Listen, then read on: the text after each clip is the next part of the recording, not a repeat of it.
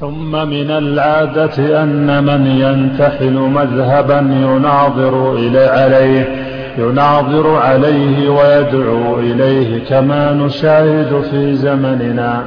أي نعم. هذا يقول آه، أن كل مجتهد مصيب باطل هذه القاعدة كما قالها بعضهم لأن من العادة التي عرفناها وهذا كلام الغزالي طبعا نقله ابن قدامة نصا أن أن من اعتقد قولا من الأقوال ومذهب من المذاهب فإنه يجادل ويناظر ويناظر عليه ويظهره على حسب استطاعته ويبدي عليه الأد... يعني عليه الأدلة والحجج حتى يظهره. فكيف هذا؟ فكيف هذا المجتهد يسكت اعتقادا منه أن كل مجتهد مصيب؟ هذا غير صحيح. نعم. السادس أن لا يرى الإنكار في المجتهدات فهو بعيد لما ذكرناه. أي نعم. أن لا يرى الإنكار في المجتهدات في المجتهد فيه في المسائل المجتهد فيها. يعني بمعنى رأيه أن لا ينكر شيئا على من خالفه في الفروع. إذا كان في الأصول أصول الدين لا يظهر الإنكار لكن إذا كان في الفروع لا لا يظهر. وهذا غير صحيح. قال لما ذكرنا من أن الصحابة رضوان الله عليهم كان ينكر بعضهم على بعض إذا خالفه في الرأي. يعني كل واحد يريد أن يصل إلى هذه إلى هذا الحق بدليل من الأدلة. فقوله لما ذكرنا يشير إلى آه، قوله في المجتهدات أن كل مجتهد مصيب.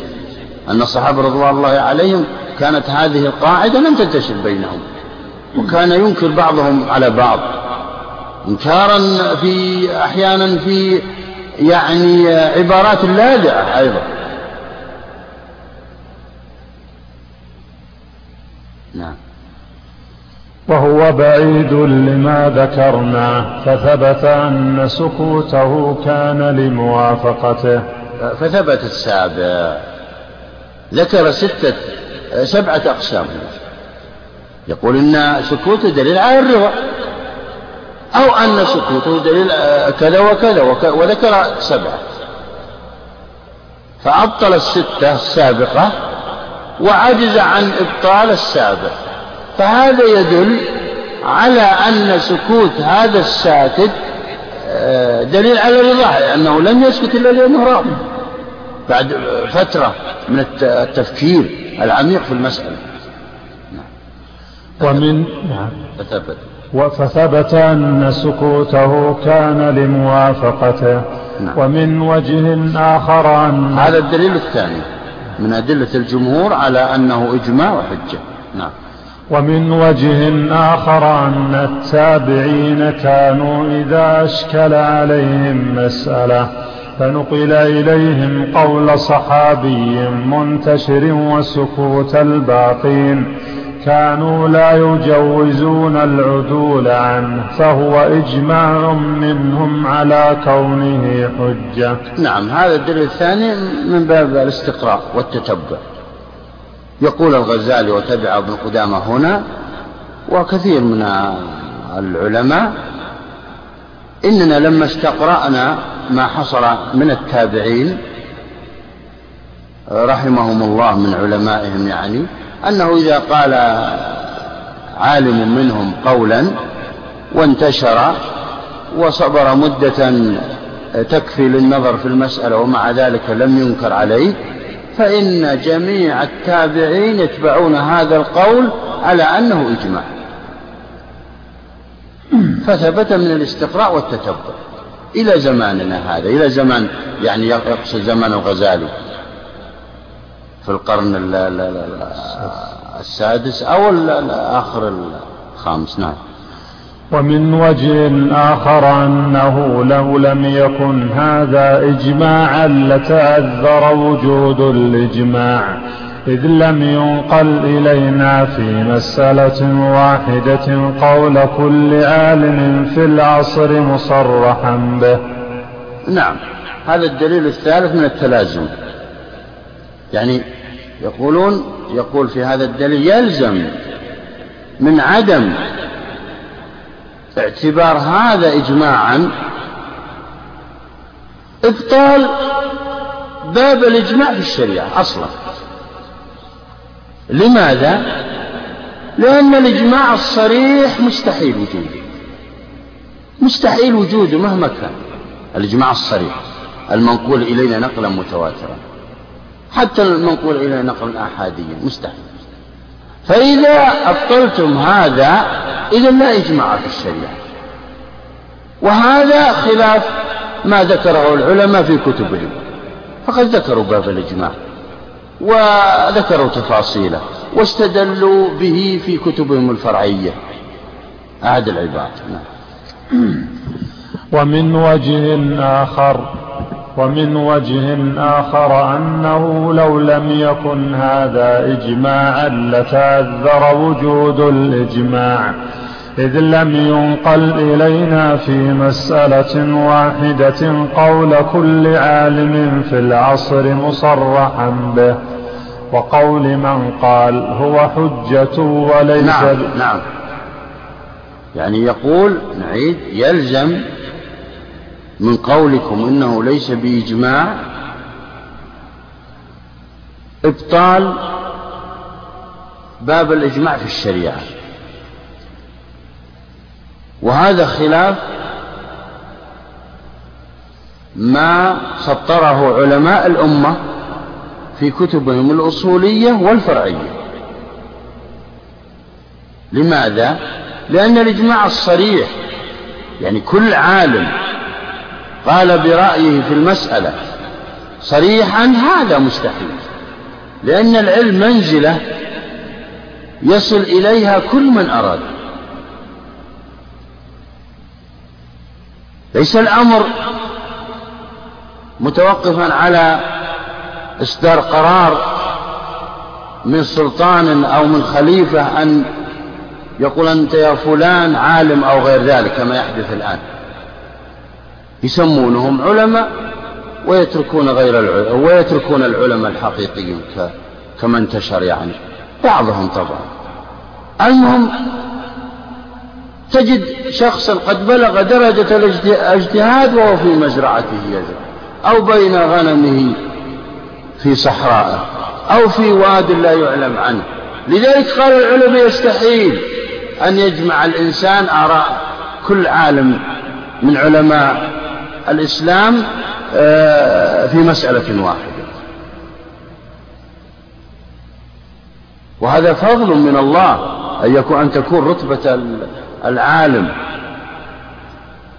يصل إليها بدون أي قرارات من آه، أولياء الأمور أو غير ذلك. لأن هذا آه، من يعني تبعه وصبر عليه يكون له أجر العلماء وهو وارث الأنبياء. بدون تعيين وبدون أي شيء. لذلك ما أشغل الناس الآن أشغل ال الأكاديميات والجامعات أشغل الناس في إمضاء زهرة شبابهم في الماجستير والدكتوراه. هذا غير صحيح. هذا غير صحيح. بعض الناس لا يتكلم بكلمة ولا يت...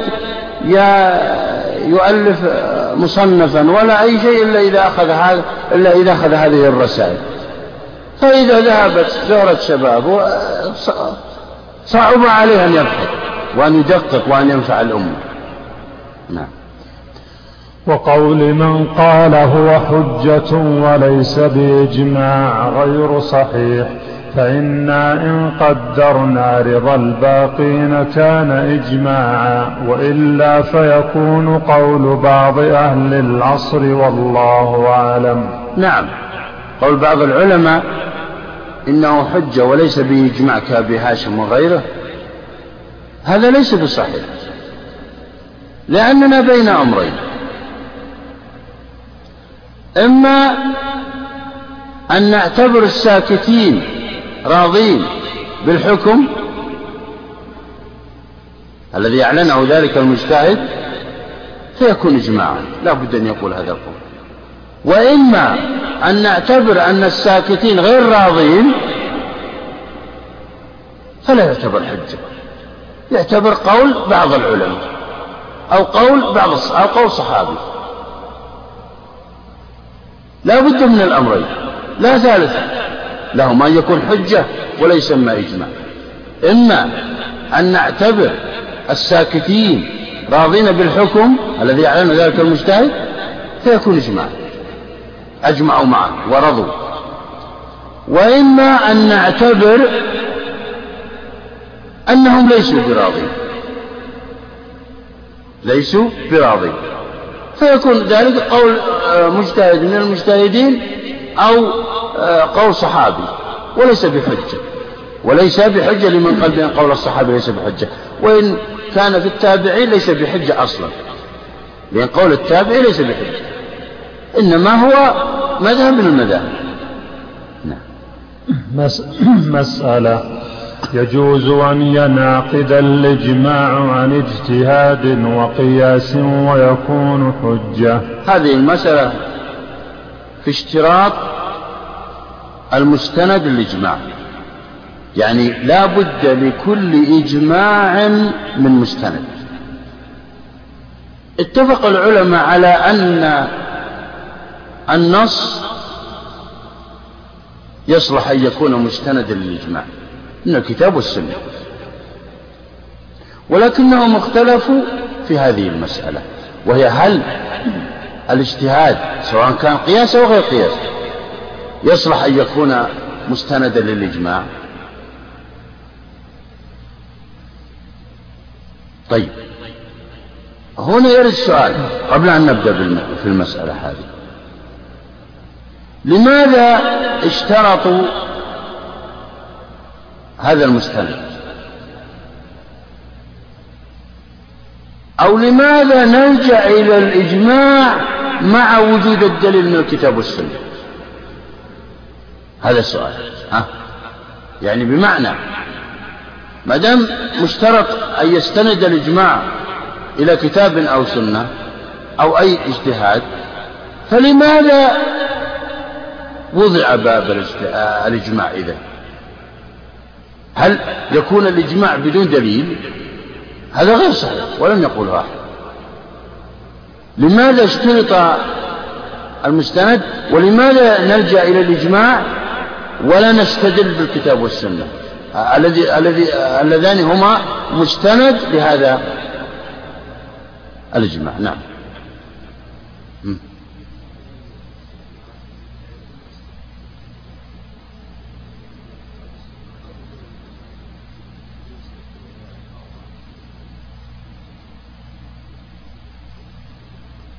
هذه النتيجة.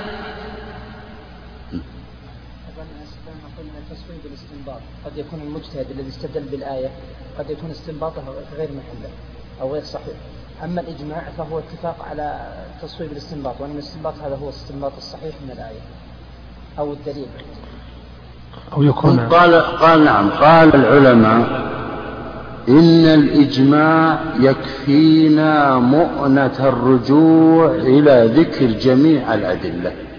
هذا قالوا سبب ذكر الإجماع ولا يذكرون الكتاب والسنة مستند الإجماع. إن الإجماع يكفينا مؤنة ذكر جميع الأدلة في المسألة. فمثلا أجمع العلماء على وجوب الحج. على وجوب الحج.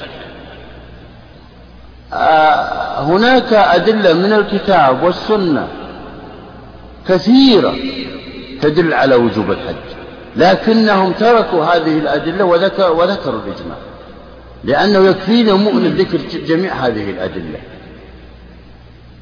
لكنهم عند ذكرهم للعمرة ما قالوا أجمع العلماء على وجوب العمرة أبدا لوجود الخلاف. ذكروا الأدلة نص نفسها. كل طائفة الجمهور على أن أو كثير من العلماء على أنها واجبة؟ والحنفية وابن تيمية على أنها ليست بواجبة ومن ذكر ذكر وبعضهم قال أنه واجبة على جميع الناس إلا أهل مكة لكن الحج لا. ما ذكروا هذا هذا الخلاف. قالوا أنه أجمع العلماء على وجوب يكفينا مؤن الذكر ما لا يقل عن يمكن عشرة أدلة في وجوب فقالوا هذا سبب. وذكروا المستند واشترطوه. قالوا لأن الإجماع ناتج عن اجتهاد والاجتهاد لا بد من مستند. فالمستند هذا فالمستند هذا هو الذي رسخ أن الإجماع حجة. مثلا اجتمع عشرون عالما في مسألة من المسائل كما صدر في عصر التابعين برئاسة سعيد بن المسيب في مسألة هل للوالي أن يسعر السلع أم لا. فأجمع التابعون على أنه يجوز تسعير السلع لأن الأغنياء مع أن الصحابة آه، لم يجمعوا على هذه المسألة. اختلفوا فيها هل يجوز تسعير السلع أم لا.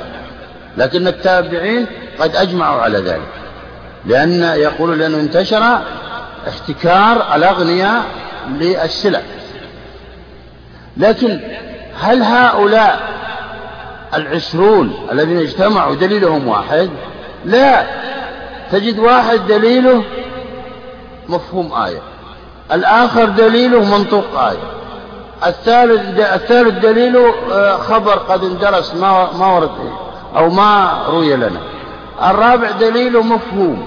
الخامس دليل قياس. السادس دليل مصلحة. وهم الكثرة يعني. آه، السابع دليل كذا. وهكذا. آه.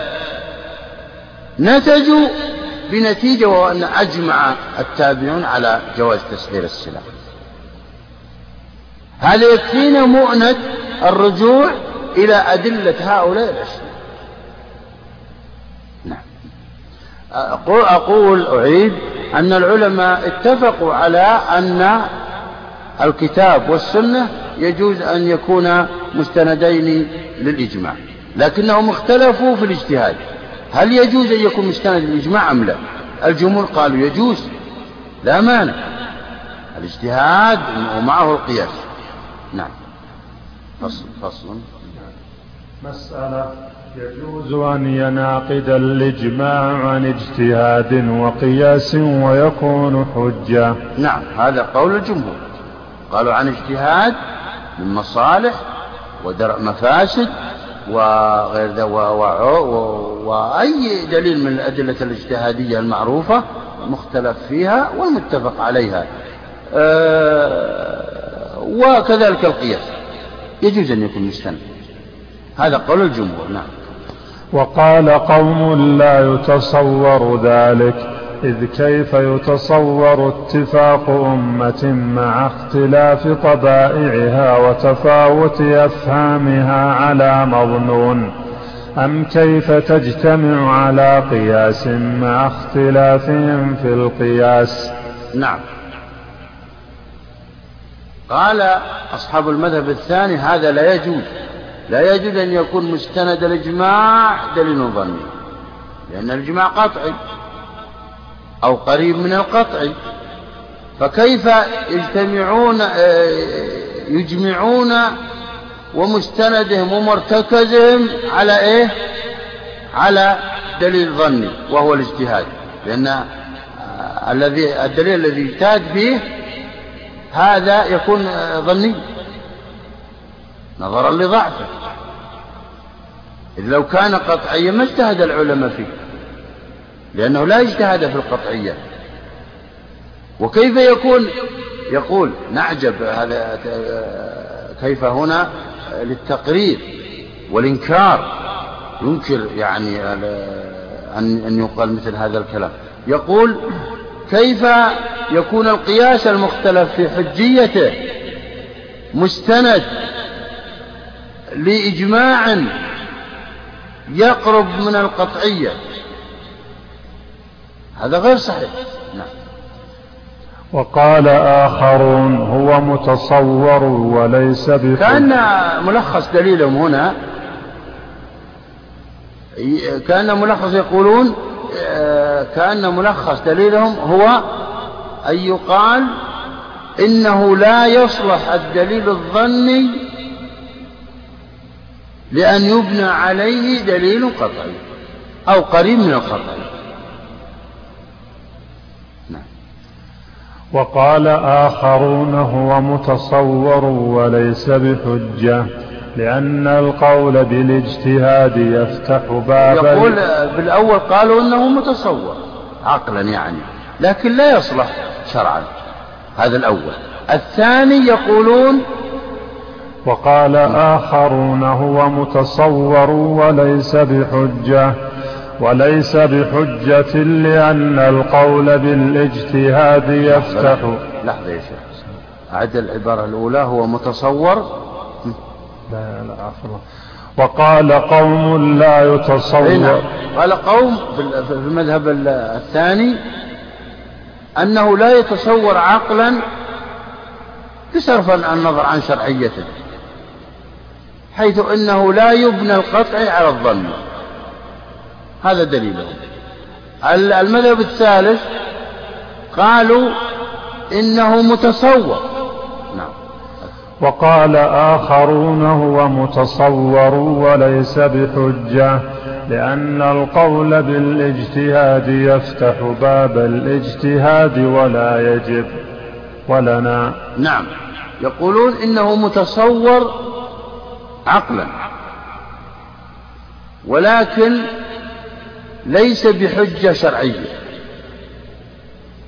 لأن الاجتهاد يقولون يجوز لكن لا يجب. والإجماع واجب. يكون الإجماع يجب أن, أن, أن, أن يعمل به.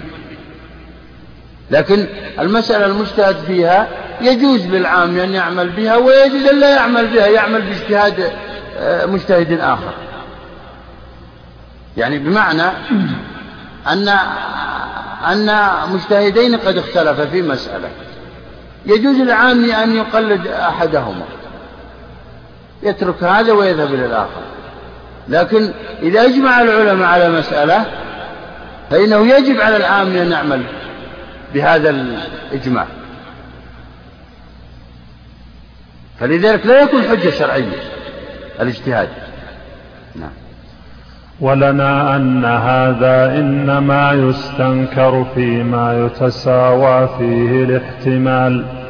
أما الظن الأغلب فيميل إليه كل أحد فأي بعد في أن يتفقوا على أن النبيذ في معنى الخمر في التحريم. لحظة. نعم. يقولون طبعا هذا دليل الجمهور.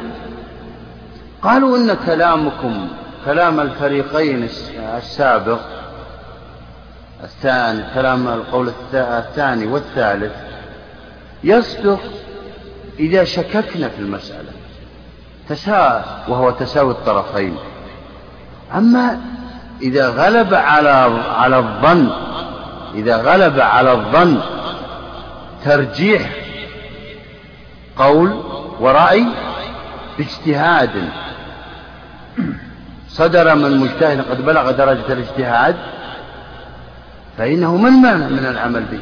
بل يجب العمل به لأنه لا فرق بين المقطوع به والمظنون في العمل ترى. لا فرق بين المقطوع به, المقطوع به والمظنون في العمل. لاحظوا كلمة المظنون تطلق على الغالب على الظن ترى. ليس المظنون المشكوك به. عندنا أمور. عندنا يقين وظن وشك وزعم. هذه درجات المعلومات العلوم. اليقين هو القطعي والظن هو الغالب على الظن يعني هناك أمران آه، أحدهما راجح والآخر مرجوح هذا الظن الراجح هو الظن عندنا شك وهو تساوي الطرفين وهو المجمل وهو المشترك. ولنا أن هذا إنما يستنكر فيما يتساوى فيه الاحتمال. أما الظن الأغلب فيميل إليه كل أحد فأي بعد في أن يتفقوا على أن النبيذ في معنى الخمر في التحريم لكونه في معناه في الإسكار. وأكثر الإجماعات مستندة إلى عمومات وظواهر. نعم. يقول هنا فأي بعد من أن يتفقوا على أن النبيذ مثل الخمر؟ لما قاس العلماء النبيذ على الخمر في كون كل واحد منهما مسكرا قالوا يحرم النبيذ كالخمر. أجمع العلماء على أن النبيذ حرام. وهذا مستنده الاجتهاد القياس. هذا لا يبقى هذا الدليل الدليل.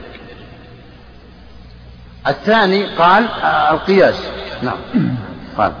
أما الظن الأغلب فيميل إليه كل أحد فأي بعد في أن يتفقوا على أن النبيذ في معنى الخمر في التحريم.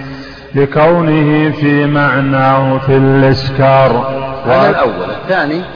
وأكثر الإجماعات مستندة إلى عمومات وظواهر وأخبار آحاد مع تطرق الاحتمال. فإذا جاز اتفاق أكثر الأمم على باطل. نعم. الثاني الاستقراء والتتبع. وهو أننا لما استقرأنا كلام السلف في كتبهم الفقهية وجدنا أنهم يعبرون بكلمة الإجماع في كثير من المسائل.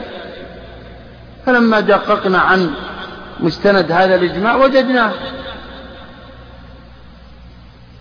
إما قياس أو أخبار آحاد أو عمومات وكلها ظنية. كل هذه الأدلة دلالتها ظنية وظواهر أخبار كلها دلالة ظنية. فالاستقراء هذا دلنا على أن الإجماع يجوز أن يستند إلى الاجتهاد. نعم. فإذا جاز اتفاق أكثر الأمم على باطل مع أنه ليس لهم دليل قطعي ولا ظني لم لا يجوز الاتفاق على دليل ظاهر وظن غالب. نعم. فإذا أجمع العلماء على أو فإذا أجمع الناس على شيء ليس له مستند لا قطع ولا ظني كاليهود والنصارى. يجمعون على أمور ليس لهم مستند فيها. أصلا ونسميه إجماع منهم. فما المانع أن يجمع المسلمون ويكون مستند إجماعهم دليل ظني؟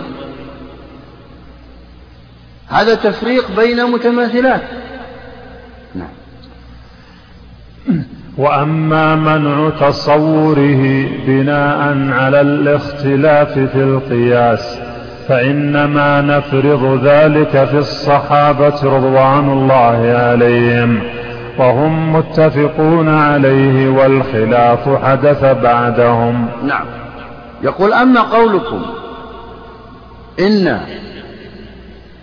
أنه لا يصح أن يكون الإجماع مستنده القياس لأن القياس مختلف فيه نقول لهم إن القياس مجمع عليه في عصر الصحابة. لم لم يخالف أحد منهم على أنه لا يجوز الاستدلال بالقياس أبدا ترى إنما اختلفوا في مسائل كل واحد استدل بقياس خاص به. ما حدث حدثت المخالفة في القياس إلا لما جاء داود الظاهري ترى. والنظام وأبو بكر الأصم وابن علية. هؤلاء هم الذين أحدثوا ما أحدثوا في بين المسلمين وتكلموا في القياس والإجماع. فجاء لما جاء داود الظاهر صور أمورا كتبها في أوراق ثم ضخمها ابن حزم الظاهري ودلل عليها في كتاب الأحكام في أصول الأحكام والمحلى مع أنه قد نعم وإن فرض بعد حدوث الخلاف فيستند أهل القياس إليه والآخرون إلى اجتهاد يظنونه ليس بقياس وهو في الحقيقة قياس. نعم. نقول لهم إن فرض في عصر الصحابة هذا الخلاف فعصر الصحابة خالي من الخلاف في القياس. اتفقوا على أن القياس حجة فلذلك استند الإجماع إليه. وإن فرض في عصر من بعدهم فإن من بعدهم من جمهور العلماء المحققين يقولون بحجية القياس ويستندون إليه. إذا قال عالم أي قول؟ أنه حجة فإنه يستند عليه في جميع أموره ترى في الفرعية. وإن فرض بعد حدوث الخلاف فيستند أهل القياس إليه والآخرون إلى اجتهاد يظنونه ليس بقياس فهو في الحقيقة قياس وكما يجوز أن يعتقد غير القياس قياسا كذلك في العكس. نعم. الذين اعتقدوا بأن القياس حجة اعتمدوا عليه في مستندهم للإجماع وأجمعوا على أن حرام مستندهم القياس. والذين لم يستندوا إلى القياس قالوا بأنه ليس بحجة فإن هؤلاء يستندون إلى اجتهاد آخر غير القياس غير القياس. كما أن الجمهور أيضا يستندون إلى الاجتهادات الأخرى. في بعض أمورهم في, في الإجماع يعني. فلا فرق إذا. فالقياس نوع من أنواع الاجتهاد وهو في ذروة أنواع الاجتهاد. الاجتهادات كما سيأتينا نعم. وإذا ثبت تصوره فيكون حجة لما سبق من الأدلة على الإجماع. نعم. وإذا ثبت تصوره يعني تصور مستند الإجماع على الاجتهاد فإنه يكون الإجماع المستند إلى الاجتهاد حجة هو الخلاف. طبعا اتفقوا على أن الإجماع المستند إلى الكتاب والسنة حجة لكن اختلفوا في الإجماع المستند إلى الاجتهاد هل هو حجة وليس بحجة الجمهور قالوا أنه حجة وبعض العلماء قالوا ليس بحجة. قالوا ليس بحجة لأنه لا يمكن أن يبنى على أن يبنى الإجماع المقطوع به أو القريب من القطع آه، أن يبنى على دليل ظني متفق على ظنية. نعم. فصل الإجماع ينقسم إلى مقطوع ومظنون. فالمقطوع ما وجد فيه الاتفاق مع الشروط التي لا تختلف فيه مع وجودها ونقله أهل التواتر. نعم. ينقسم الإجماع من حيث قطعيته وظنيته إلى قسمين. القسم الأول الإجماع القطعي وهو ما توفر في أمران. الأول شروط الإجماع التي ذكر التي ذكرت في تعريف الإجماع ترى. اتفاق. علماء. اتفاق. مجتهدي أمة. محمد صلى الله عليه وسلم بعد وفاته في عصر من العصور على أمر من الأمور. هذه شروط الإجماع. إذا توفر هذا الشرط هذه الشروط وهذا التعريف معنى أنه قطعي. اتفاق صريح. اتفاق صريح. ثانيا أن ينقل إلينا نقلا متواترا. فهذا الإجماع القطعي وهذا نادر الوجود طبعا. باختصار الإجماع القطعي هو الإجماع الصريح المنقول إلينا نقلا متواترا. وهذا نادر الوجود. بل قال بعض العلماء من ادعى الإجماع فقد كذب. يقصد الإجماع الصريح. وإلا أكثر القواعد الأصولية وأكثر الفروع الفقهية مبنية على الإجماع السكوت وهو الظن. نعم. أما الإجماع الظني والمظنون ما اختل فيه أحد القيدين بأن يوجد مع الاختلاف فيه كالاتفاق في بعض العصر. نعم. يعني بمعنى إذا اختل أحد القيدين بمعنى لم يكن صريحا أو لم ينقل إلينا نقلا متواترا. يعني بمعنى أنه صريح ونقل إليه آه، أنه صريح ولكنه نقل إلينا نقلا أحاديا. فهذا إجماع ظني. أو إجماع غير صريح وهو السكوتي فإنه ظني سواء نقل إلينا نقلا متواترا أو أحاديا. كأن يتكلم بعض أهل العصر في مسألة ويسكت الباقون. هذا ظني.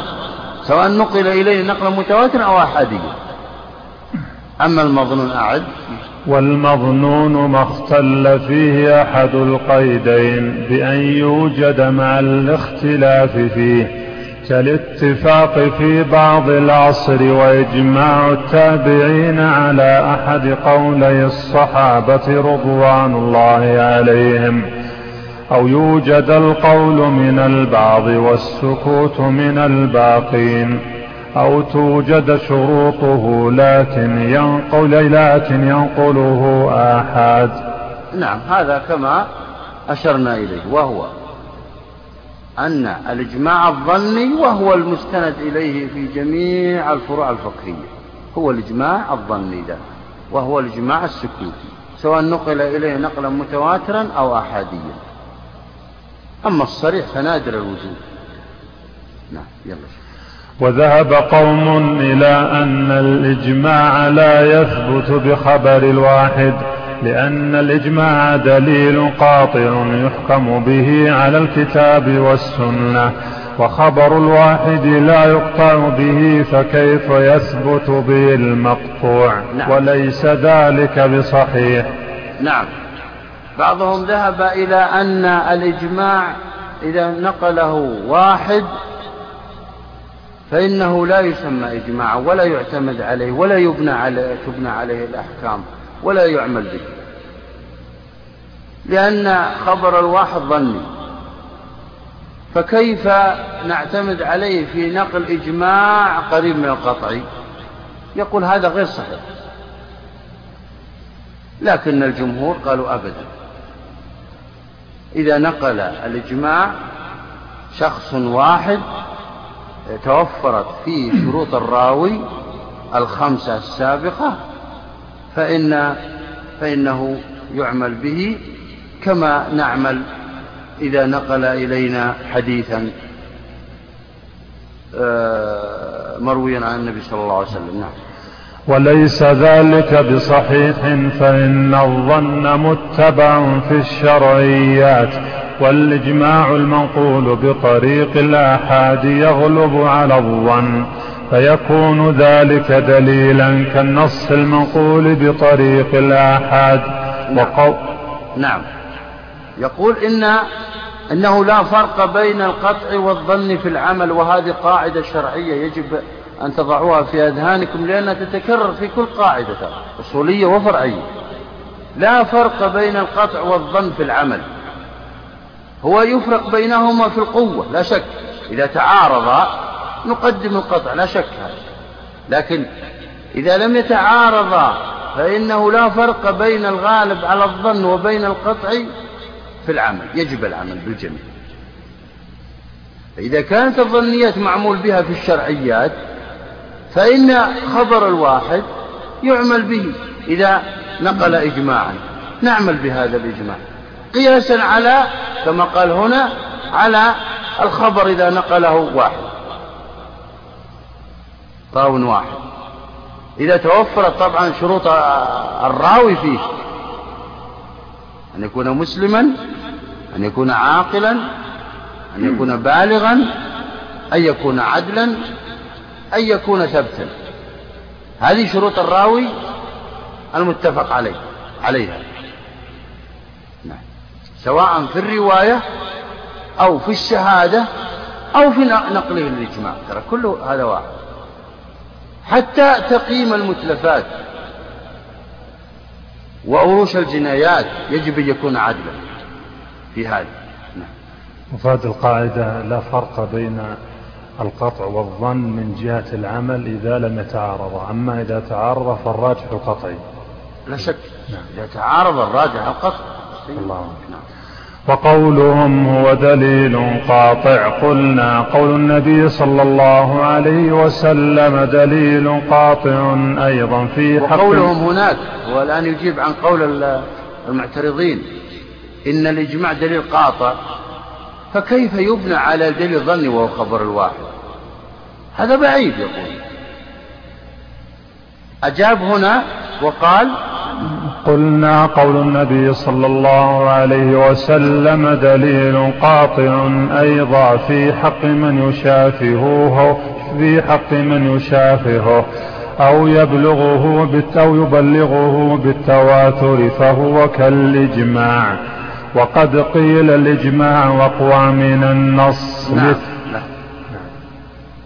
هو لما قالوا كيف يبنى الدليل القاطع كالإجماع على دليل ظني وهو خبر الواحد نقول لهم كذلك خبر النبي صلى الله عليه وسلم هو قاطع لمن شافها وجلس معه وسمع الحديث من في النبي صلى الله عليه وسلم أو قاطع لمن بلغه هذا الحديث بالتواتر. لكنه ليس بقاطع لمن نقل إليه بخبر الواحد. وهذه الآلاف المؤلفة من الأحاديث التي نقلت بخبر الواحد. فلو لم نقبل خبر الواحد لانهدم ثلاث أرباع الشريعة. في الإجماع في نقل الإجماعات وفي نقل الأحاديث. إذا كان هذا الواحد قد بلغ أو توفرت فيه شروط الراوية السابق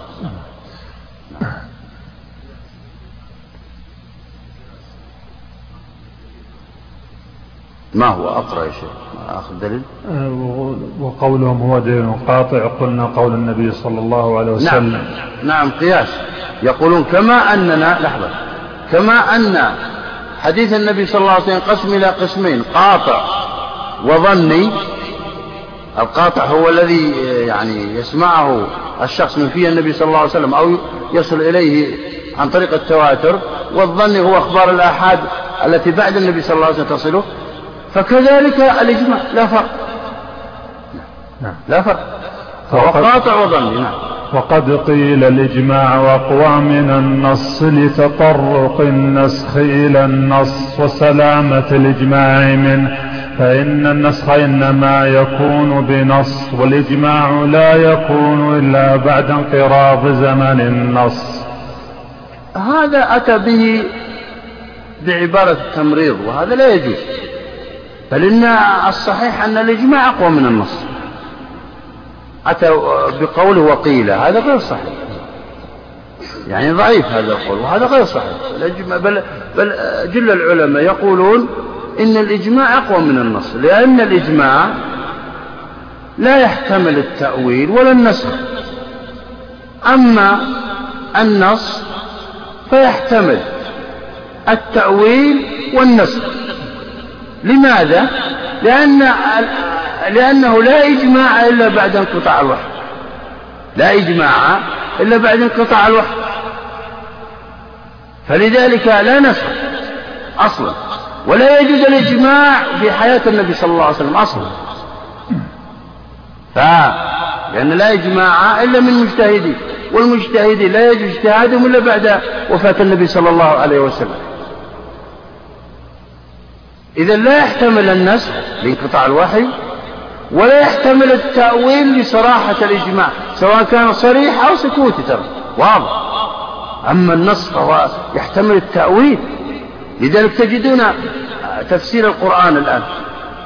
تجدون المجلدات الكثيرة في تفسير القرآن لأن كل مفسر وكل عالم يأتي ويقول هذه الآية تدل على كذا ويأتي بأدلة دلالة على هذا.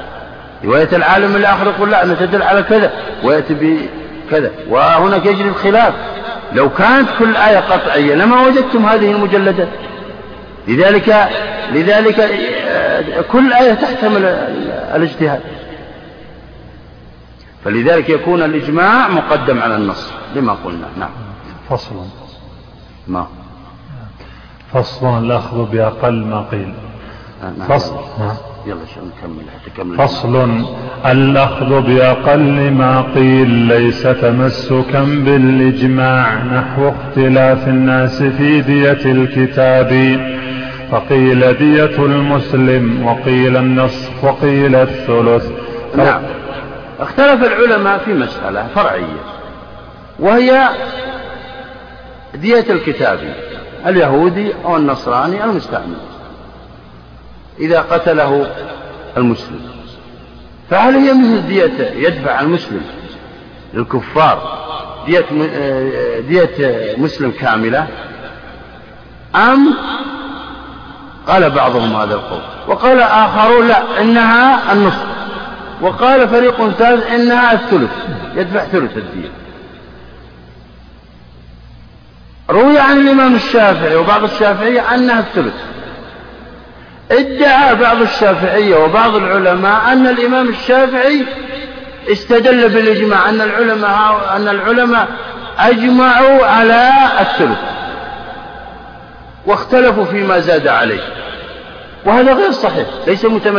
الإمام الشافعي أو من استدل بهذا ليس متمسكا بالإجماع بقوله إن دية الكتاب الثلث.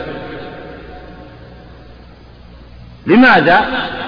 لأن القائل الثاني الأول والثاني يقولون أبدا لا لا يكفي دفع الثلث بل لا بد من النصف والأول يقول لا بد من دية كاملة. نعم. فالقائل إنها الثلث ليس له ليس هو متمسكا بالإجماع لأن وجوب الثلث متفق عليه. وإنما الخلاف في سقوط الزيادة وهو مختلف فيه فكيف يكون إجماعا؟ ولو كان إجماعا لكان مخالفه خارقا للإجماع وهذا ظاهر الفساد والله تعالى أعلم. نعم. نقول إنه زعم بعضهم إن الإمام الشافعي وما روي عنه لما قال أن دية الكتاب هي ثلث دية المسلم أنه متمسك بالإجماع لأنهم أجمعوا على هذا الثلث وما زاد عليه مختلف فيه. وهذا غير صحيح. يعني بمعنى اللي قال الذي الذي قال النصف والكامل قائل بالثلث وزيادة. هذا غير صحيح. لأن الذي قال بالنصف والكل يقول لا يكفي أن ندفع لأهل القتيل من الكف من, من اليهود والنصارى أن ندفع الثلث. خالفوه. وإذا خالفوا معناه أنه خرق للإجماع إذا كان إذا قا إذا كان متمسكا بالإجماع. إذا ليس الأخذ بأقل ما قيل متمسكا بالإجماع. أبدا. قاعدة في كل في كل مسألة من المسائل الفرعية. وإنما أتي بهذا المثال كتصوير للمسألة. نعم. الأصل الرابع أصحاب الحال. إذا انتهينا من الأدلة المتفق عليها وهي الكتاب والسنة والإجماع. عند طبعا الغزالي وتبعه وتبعه ابن قدامة. وقد وضعوا الدليل الرابع هو دليل العقل والاستصحاب. هذا عند الغزالي طبعا. أما عند جمهور العلماء فقد وضعوا القياس. وسنتكلم عن هذا بالتفصيل. وصلى الله على نبينا محمد. بسم الله. الحمد لله والصلاة والسلام على رسول الله. نعم. نبدأ من حيث وقفنا. بسم الله الرحمن الرحيم. والصلاة والسلام على أشرف الأنبياء والمرسلين. اللهم اغفر لنا ولشيخنا وللسامعين. قال المؤلف رحمه الله استصحاب الحال ودليل العقل. اعلم أن الأحكام السمعية نعم, نعم. لما فرغ من ذكر الأدلة الثلاثة الكتاب والسنة والإجماع ذكر دليلا رابعا اعتبره من الأدلة المتفق عليها.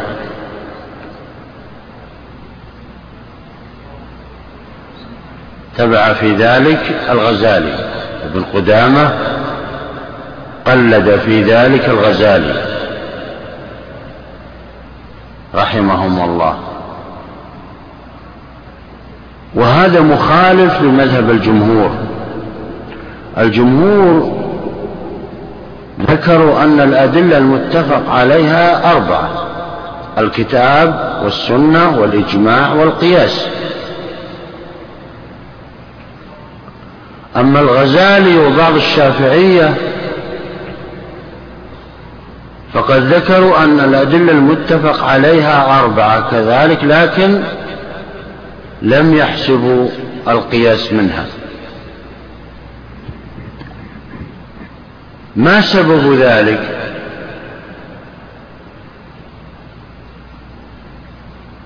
أنهم يعتقدون أو ذكروا أن القياس ليس دليلا شرعيا بحد ذاته. وإنما هو مظهر للدليل فقط. القياس مظهر للدليل. يقولون إن الدليل موجود. وهو النص من الكتاب والسنة والإجماع. لكن باستعمالنا القياس هو الذي أظهره لنا هذا الاستعمال فقط. لذلك تجدون الغزالي في كتبه الفقهية الوسيط والبسيط وغيرها لا يقول دليلنا القياس إنما يقول ودليلنا شيء أظهره القياس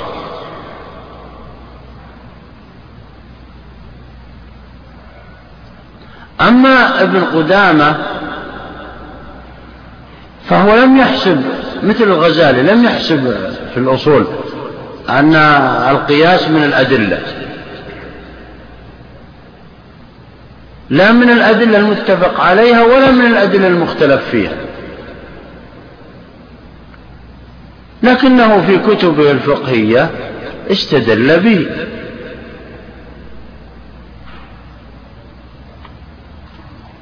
لا يعلم هل نسي ما ذكره في هذه الروضة أم أنه كتب شيئا لم يفهم مقصد الغزالي فيه والشافعي وبعض الشافعية. دليل الاستصحاب دليل العقل من الأدلة المختلف فيها عند الجمهور. ولكن نحن نمشي على ما جاء في الروضة على أنه من الأدلة المتفق عليه. نعم. اعلم أن الأحكام السمعية لا تدرك بالعقل. لكن دل العقل على براءة الذمة من الواجبات. نعم. الاستصحاب أنواع. منها النفي الأصلي. استصحاب النفي الأصلي وهو براءة الذمة من التكاليف. وهو الذي بدأ به المصنف الآن. وستأتينا الأنواع الأخرى.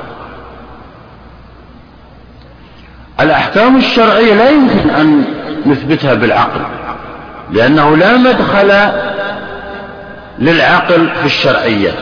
هذا متفق عليه. لكن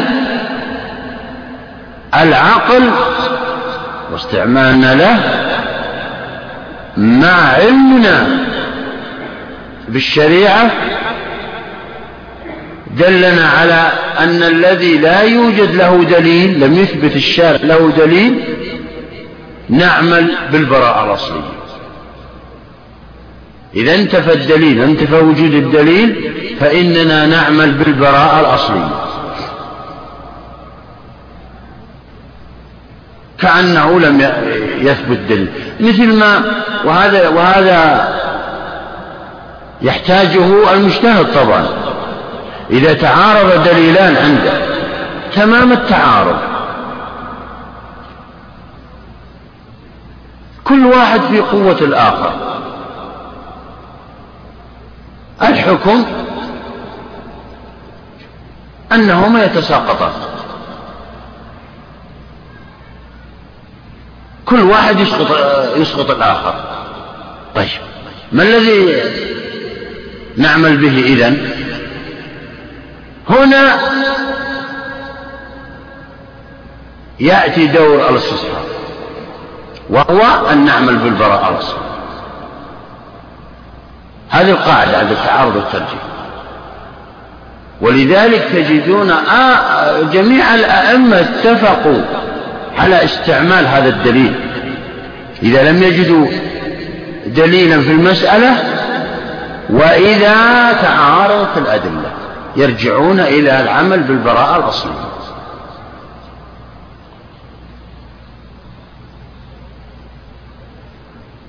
نعم. بدأ الآن بالبراءة الأصلية من التكاليف يعني. قصده البراءة الأصلية من التكاليف. نعم. لكن دل العقل على براءة الذمة من الواجبات. هي الواجبات هي التكاليف. طبعا لا شك أنه ذكر الواجبات الأحكام التكليفية خمسة كما سبق. الواجب والمندوب والمكروه والحرام والمباح. لكن الواجبات هي أهمها وهي التي تثبتها الأدلة. نعم. من الواجبات وسقوط الحرج عن الحركات والسكنات. نعم. قبل بعثة الرسل. فالنظر في الأحكام إما في إثباتها وإما في نفيها. نعم. يقول إن قبل بعثة الرسل لا أدلة شرعية لا توجد أدلة شرعية. لذلك يعمل بالفطرة بما أملته الفطرة علينا. وبما اتفقت المجتمعات عليه. وغير ذلك. ثم يستصحب ذلك في الأجيال القادمة. ثم القادمة حتى يأتي دليل يغير الحالة وهو الوحي. سواء كان وحي قبل الإسلام أو بعد الإسلام. يغير الحال. إن غير. وإن سكت عنها فإننا نعمل بما اتفقت عليه المجتمعات وبما آه، اقتضته الفطرة. نعم. فالنظر في الأحكام إما في إثباتها وإما في نفيها. فأما نعم. الإثبات فالعقل قاصر. يعني لا ثالث لهما. الحكم إما إما مثبت وإما منفي.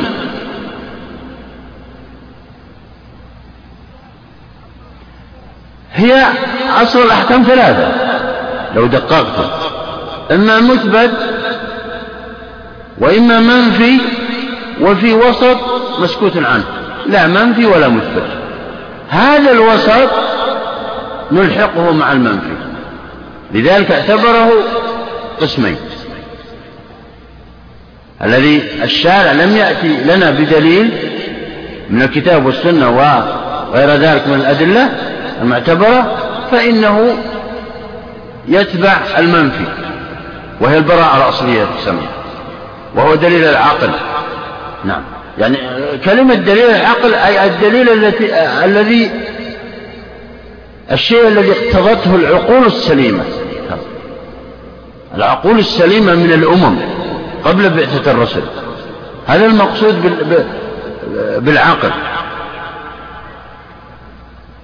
والذي اقتضته الفطرة قبل بعثة الرسل. يستصحب ويعمل به إذا لم يرد. إذا لم يرد شيء في الشريعة يغير الحالة نعم. وأما النفي فالعقل قد دل عليه إلى أن يرد دليل السمع وأما أعد العبارة فإيه؟ فالنظر في الأحكام إما في إثباتها وإما في نفيها. نعم. فأما الإثبات فالعقل قاصر عنه. نعم. العقل قاصر عنه لذلك اتفقوا على قاعدة معروفة أنه لا مدخل للعقل في الشرعية هذا اتفقوا عليه. بخلاف ما يقوله المعتزلة وهو التحسين والتقبيح العقليين. هذه قاعدة بنوا عليها أحكاما كثيرة وقواعد كثيرة. الجمهور قالوا أبدا العقل لا مدخله في الشرعية. إنما العقل يبين وجه دلالة. يوازن بين دليلين. هذا ممكن لكن يأتي بحكم آه، عقلي مجرد هذا غير صحيح. لذلك تجدون الظاهرية ومن في حكمهم؟ أنكروا القياس باعتقادهم أنه عقل وأنكروا المفاهيم مفهوم المخالفة. لاعتقادهم أنه عقل والجمهور ما قالوا ذلك كما سيأتينا هو ليس عقلي وإنما هو شرعي. إنما هذا المجتهد ألحق هذا الفرع. بذلك الأصل عن طريق استعماله للعقل فقط. نعم.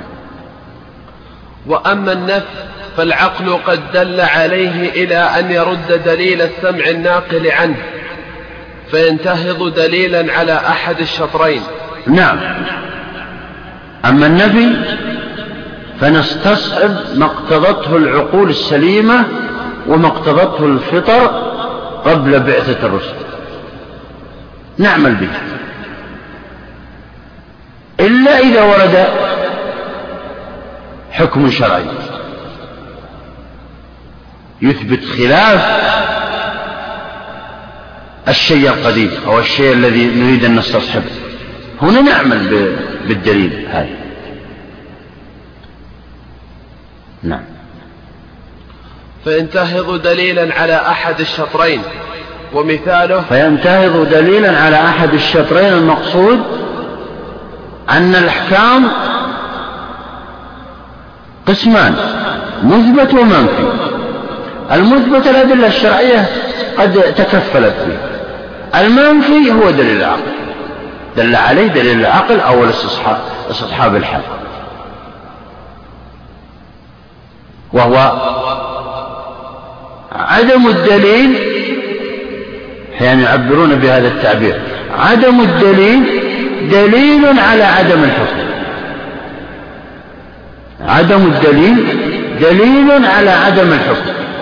يعني الذمة بريئة من أي عمل. يعني يباح لك أن تعمل أو ألا تعمل لا أجر لك إن عملت ولا عليك إن عملت ولا إن تركت.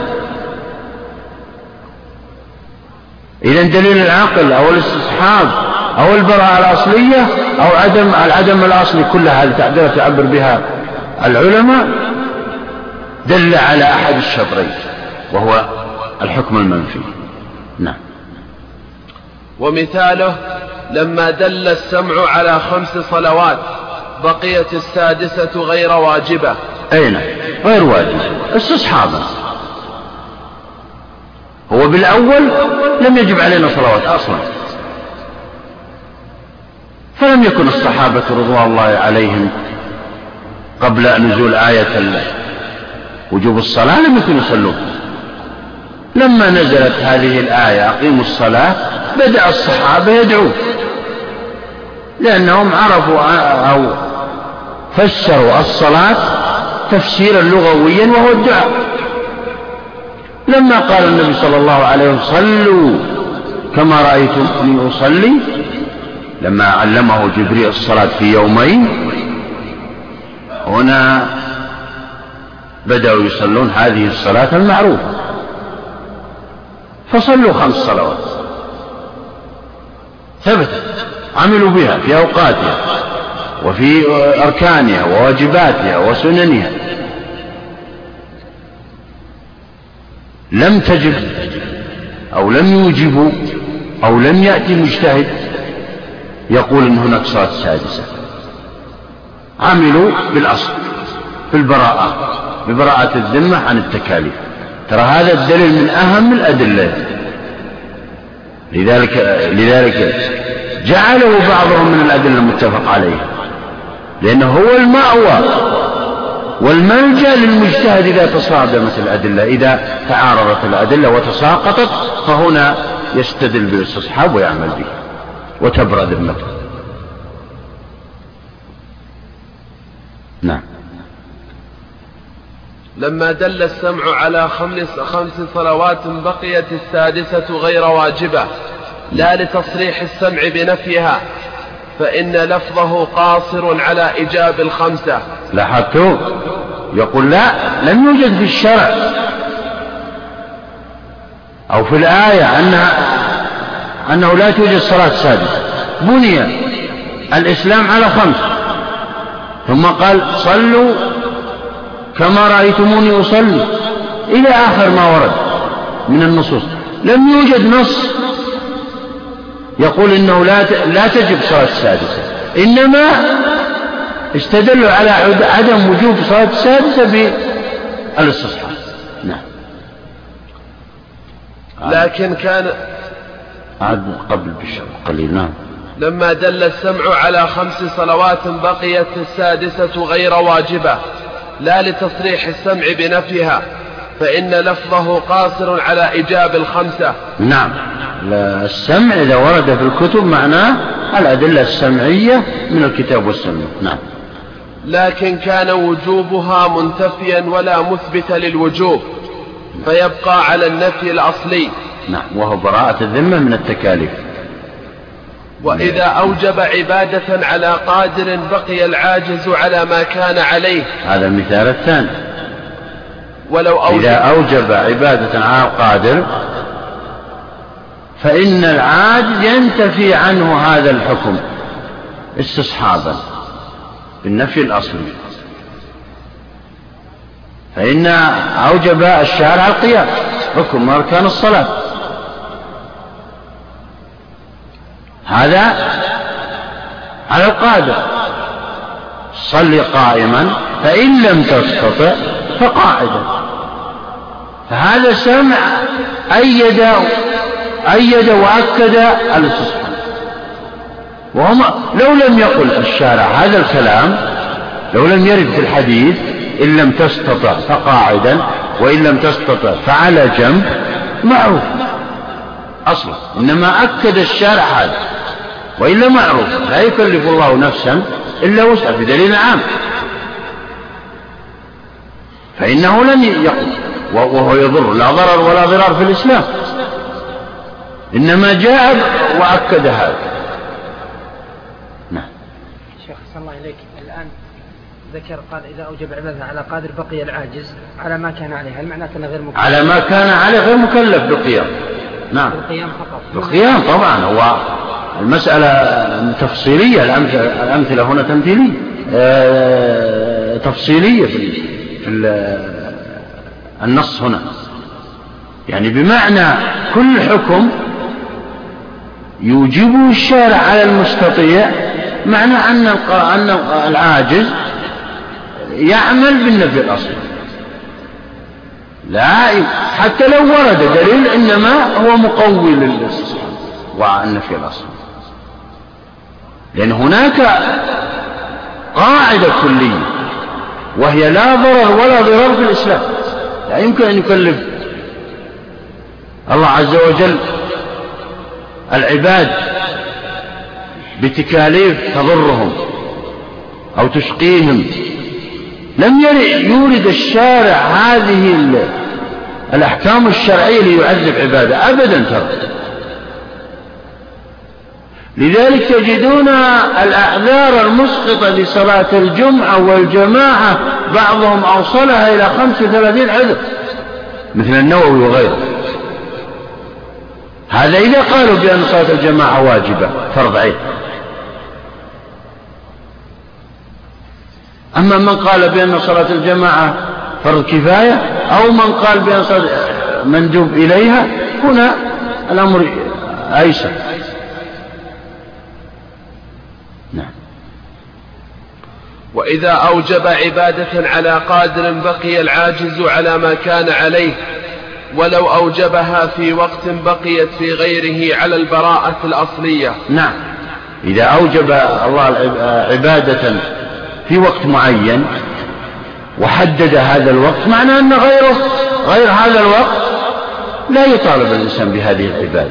تبقى على البراءة الأصلية تبقى على الاستصحاب فرض الله سبحانه وتعالى عبادة الصوم في شهر رمضان. معنى جميع الشهور الأخرى لا صيام لا يجوز. لا من قريب ولا من بعيد. نعم. فإن قيل إذا كان العقل إن فإذا كان العقل إنما كان دليلا بشرط أي ألا يرد سمع فبعد وضع الشرع لا يعلم نفي السمع ومنتهاكم عدم العلم بوروده وعدم العلم ليس بحجة. ولو جاز ذلك لجاز للعامي النفي مستندا إلى أنه لم يبلغه دليل. نعم. هذا الاعتراض من بعض العلماء يقولون أبدا الاستصحاب لا يصلح دليلا. لا يصلح دليلا. لو آه، يلزم من قولنا إنه دليل أن العامي يكون عالما. لماذا؟ لأنه سيبني عليه نظرا لعدم علمه بالأدلة. وعدم العلم بالأدلة عدم العلم بالأدلة ليس معناه أنه استدل بالاستصحاب. فهذا الدليل لا يصلح نقول. هذا المعترض. لأنه يلزم منه أن كل شخص يستطيع أن يكون عالما. ينفي ويقول أنا أستدل بالبراءة الأصلية أنه لا توجد تكاليف نظرا لعدم علمه بالأدلة المثبتة للأحكام. هذا ملخص هذا الاعتراض. أعد العبارة. فأنقل. فإن قيل إذا كان العقل إنما كان دليلا بشرط ألا يرد سمع فبعد وضع الشرع لا يعلم نفي السمع ومنتهاكم عدم العلم بوروده. لا يعلم؟ أعد. إذا كان العقل إنما كان دليلا بشرط ألا يرد سمع فبعد وضع الشرع فبعد وضع الشرع لا يعلم نفي السمع. ومنتهاكم نعم. عدم العلم بوروده. نعم. صحيح يمشي. وعدم العلم ليس بحجة. ولو جاز ذلك لجاز للعامي النفي مستندا إلى أنه لم يبلغه دليل. نعم. هذا المعترض بنى كلامه على أن الاستصحاب هو عدم العلم بالدليل. هذا غير صحيح. سيأتينا جواب عن ذلك. أن الاستصحاب هو عدم العلم بالدليل. وبنى على هذا أن العام يستطيع إذا يستدل به إذا العام يساوي العالم في ذلك. ما دام أنه عدم العلم بالدليل إذا العامي أيضا لا يعلم الأدلة على هذه الحالة. إذا العامي لا يعلم الأدلة إذا يستدل بالاستصحاب. فيلزم من هذا اللازم الباطل. الجواب قلنا انتفاء الدليل قد يعلم وقد يظن فإنا نعلم أنه لا دليل على وجوب صوم شوال ولا صلاة سادسة إذ لو, إذ لو كان لنقل وانتشر ولم, يخ ولم, ولم يخف على جميع الأمة. وهذا علم بعدم الدليل. لا عدم علم لا عدم لا عدم علم بالدليل. نعم فرق بين الأمرين. علم بعدم الدليل على عدم وجوب صوم شوال. هذا عند العلماء. لا عدم العلم بالأدلة. فالمجتهد من استقرائه وتتبعه للشريعة يتوصل إلى أنه لا يوجد دليل على وجوب صوم شوال. إذا نعمل بالبراءة الأصلية إذا عجز عن وجود الدليل. أما الذي ليس عنده علم بمعرفة الأدلة ووجودها وعدم وجودها كالعام الذي مثلتم به فهذا لا يستدل بالاستصحاب. ولا يمكن أن يستدل به لأنه لا يستدل بالاستصحاب إلا عند عدم العلم. إلا عند عدم وجوب الدليل وجود الدليل. وهذا لا يمكن أن يصل إليه إلا المجتهد. المجتهد هو الذي يبحث في الأدلة المتفق عليها والمختلف فيها في هذه الحادثة. فيقول والله ما وجد دليلا يدل على أن يجب فيها كذا أو, أو تحرم أو نحو من ذلك. إذا أستدل بالبراءة الأصلية ويرجع كل عالم إلى أصله. طبعا ستأتينا مسألة أو مضى مسألة لنا وهي هذا الأصل. في الأشياء قبل ورود الشرع فيها الإباحة أو الحظر أو التوقف. كل عالم له أصل. فالجمهور قالوا أن الأصل فيها الإباحة. يجوز أن نعمل وأن لا نعمل لا إثم ولا أجر في العمل وعدمه. وبعض العلماء قالوا الأصل فيها الحظر. لا يمكن أن نعمل بشيء لم يبح الشارع. وفريق ثالث؟ يقول التوقف لا أقول في الإباحة ولا أقول في الحظر حتى يأتي يرد الدليل يغير هذا التوقف ويجعلني أعمل بشيء. فالمجتهد هو الذي يصل إلى هذا لأنه يعلم أنه لا يوجد دليل على هذه المسألة. إذا يرجع أما العامي الذي لا يعرف الفرق بين الأدلة ولا يعرف وجودها وعدم وجودها ولا يعرف حتى أماكنها لا يمكن أن يستدل به. لاحظوا هذا الجواب منصب على الاعتراض. هناك يقولون إذا كان الاستصحاب دليلا إذا يستوي العالم والعام في عدم الدليل. هذا غير صحيح. ففرق المصنف بينهما. أعد التفريق. قلنا انتفاء الدليل قد يعلم وقد يظن. فإنا نعلم أنه لا دليل يعني قد يعلم قد يعلمه المجتهد علما يقينيا وقد يظن يغلب على ظنه. هذا المجتهد. نعم. فإنا نعلم أنه لا دليل على وجوب صوم شوال ولا صلاة ولا صلاة ولا صلاة سادسة. يعني آه، يقول نعلم من خلال استقراءنا وتتبعنا للأدلة المتفق عليها والمختلف فيها. أنه لا وجوب للصيام لا وجوب في صيام شوال ولا كذلك آه، مندوب فيه ولا أي, أي كذلك صلاة سادسة. نعم.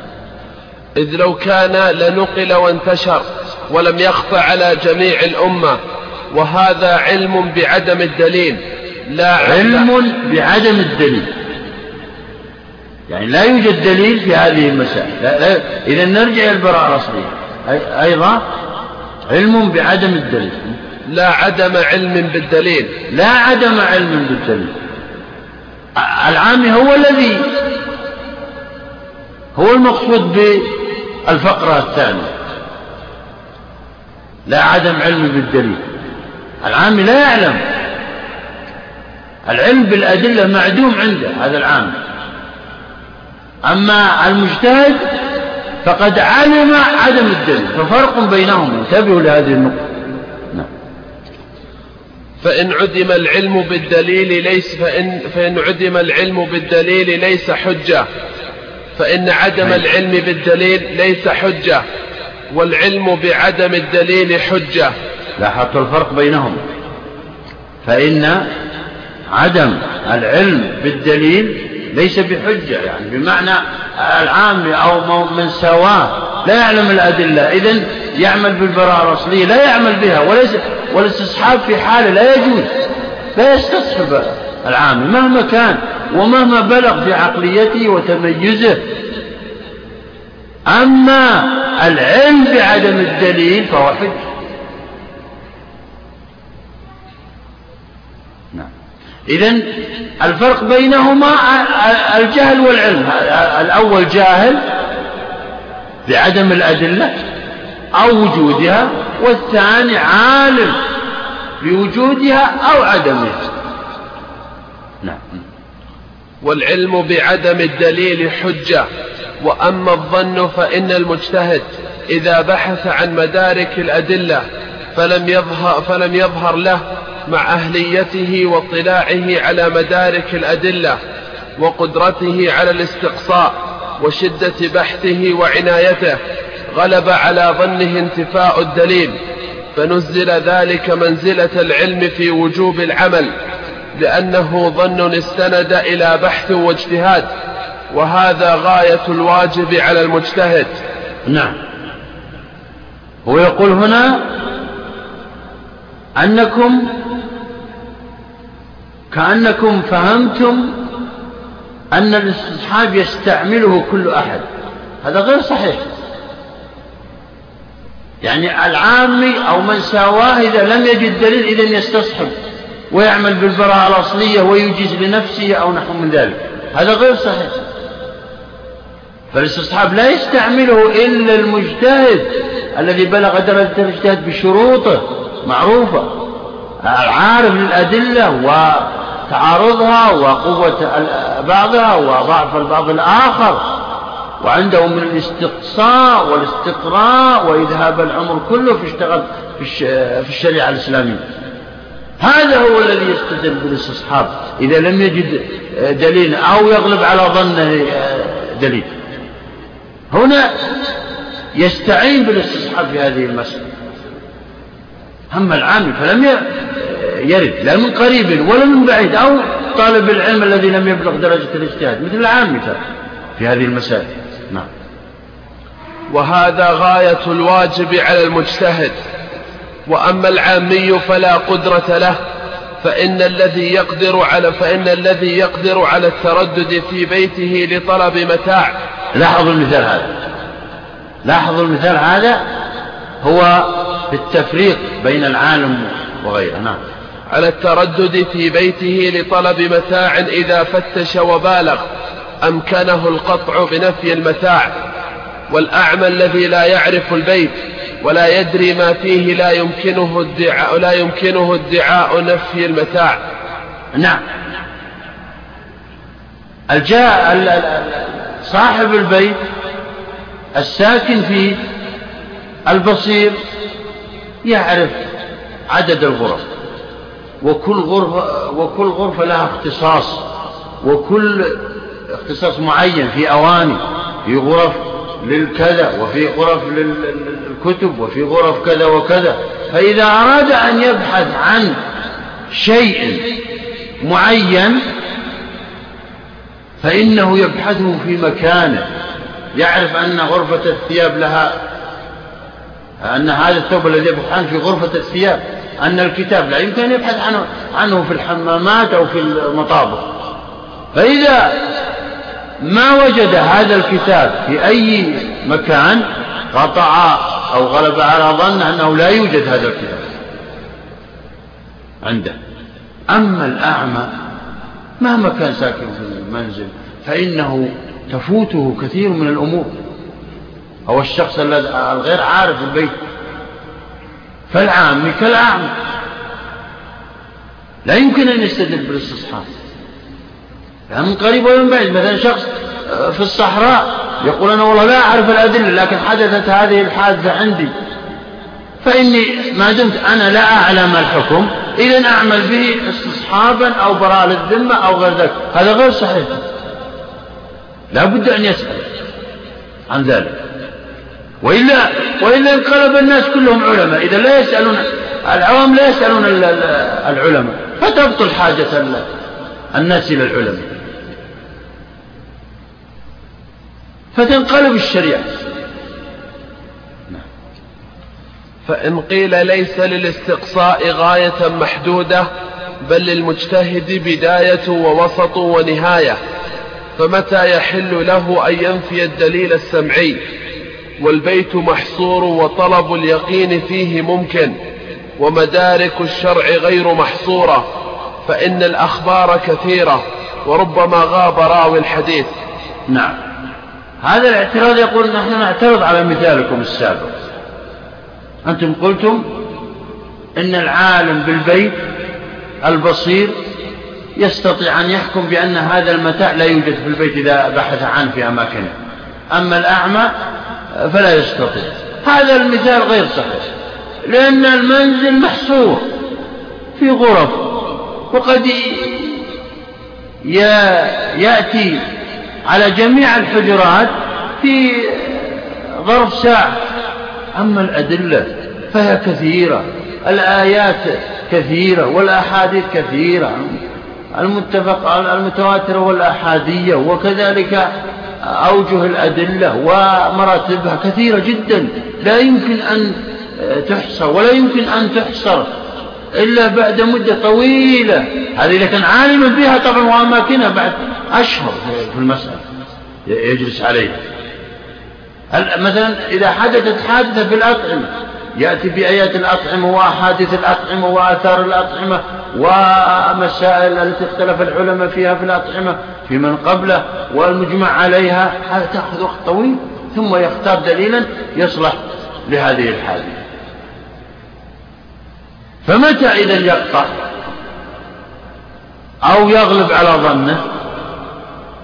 كأنه استفسار. فلذلك يمكنه أن يغلب على ظن أن لا يوجد دليل في المسألة ويستصحب بعد قطعه لمنتصف الأدلة أو بعد بحثه عن منتصف عن نصف الأدلة.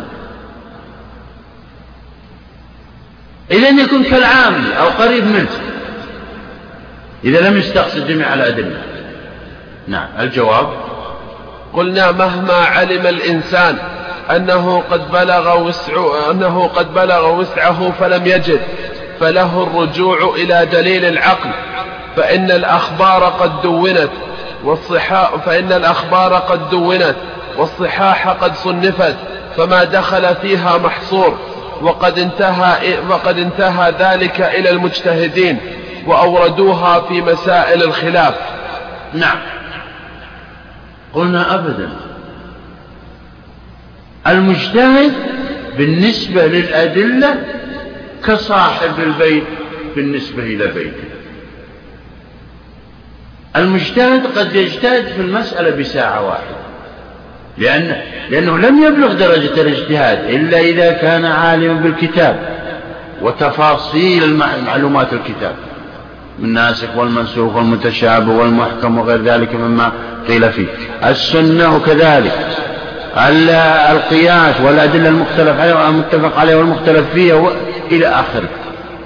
فإذا حدثت حادثة أمكنه استقراء الأدلة في الكتاب والسنة والإجماع والقياس وغير ذلك بظرف ساعة بل أقل. لذلك بلوغ درجة الاجتهاد رتبة عظيمة لا يصل إليها أحد إلا أواخر عمره يعرف الأدلة وأماكنها ومواضعها آية, آية في الأطعمة أو آية في الحدود أو آية في كذا. يقول إنها توجد في سورة النساء أو في سورة كذا وكذا فيذهب ويبرزها ثم يذهب إلى الأحاديث والآثار ويبرزها ثم يحصرها ثم يستقرأ ويدقق أيها أقرب إلى هذه الحادثة فيستدل. ثم إن الأحادي الآيات محصورة. في هذا القرآن والسور معروفة التي في أوردت آيات الأطعم والتي أوردت آيات الحدود يعرفها المجتهد. وإن لم يحفظ القرآن. إذا كان مجتهدا. كذلك الأحاديث محصورة في كتب الصحاح يعرف القوي منها والضعيف منها وكذا إلى آخره. وقد بوبت وعنونت وجعل آيات حديث الأطعم وآثارها من الصحابة كذلك إلى آخره. فإذا غلب على ظنه مع استقراء هذا عدم وجود دليل في المسألة هنا يضطر ويلجأ إلى الاستصحاب ويقول لم أجد دليلا إذا نستصحب ما سبق وهو براءة الذمة من التكاليف إذا تكون المسألة مباحة. على حسب أصل الجمهور نعم. فإن قيل لما لا يكون واجبا لا دليل عليه أوله دليل لم يبلغنا. قل نعم أعد.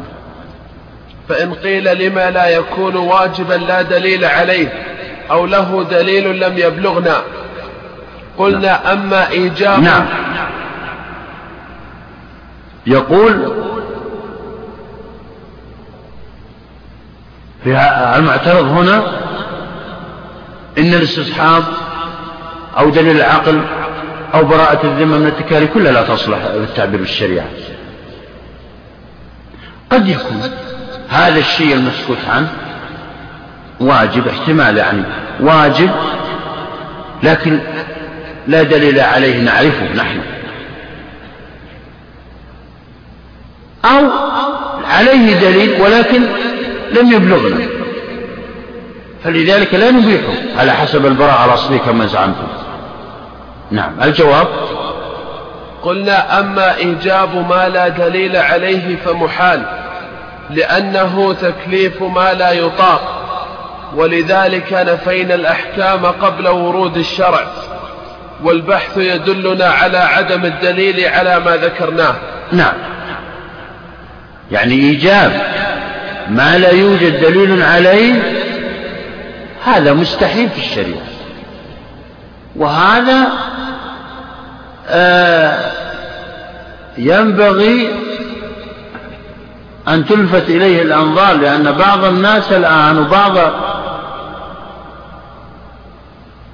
الذين لم يصلوا إلى درجة الاجتهاد تجدونهم يوجبون شيئا احتياطا أو يحرمون شيئا احتياطا وهذا غير صحيح. لا تجوز لا يجوز هذا الاحتياط.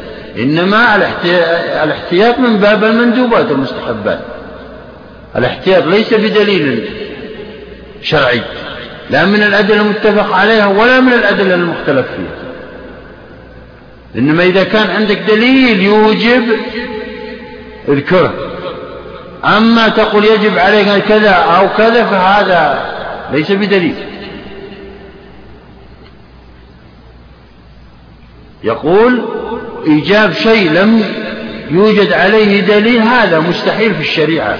لم يأمر شيء لذلك الشارع أوجب أشياء بأدلة واضحة جلية وحرم أشياء بأدلة واضحة جلية والباقي مندوبات ومكروهات ومباحات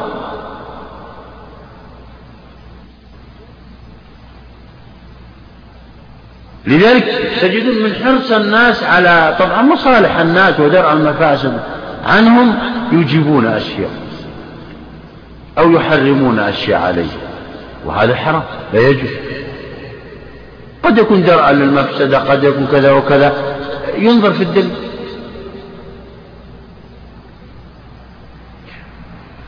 فالشريعة أيسر الأديان.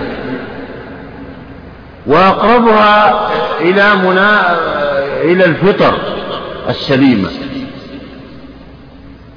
فلم يأتي الشارع بهذه التكاليف الشرعية ليعذب عباده.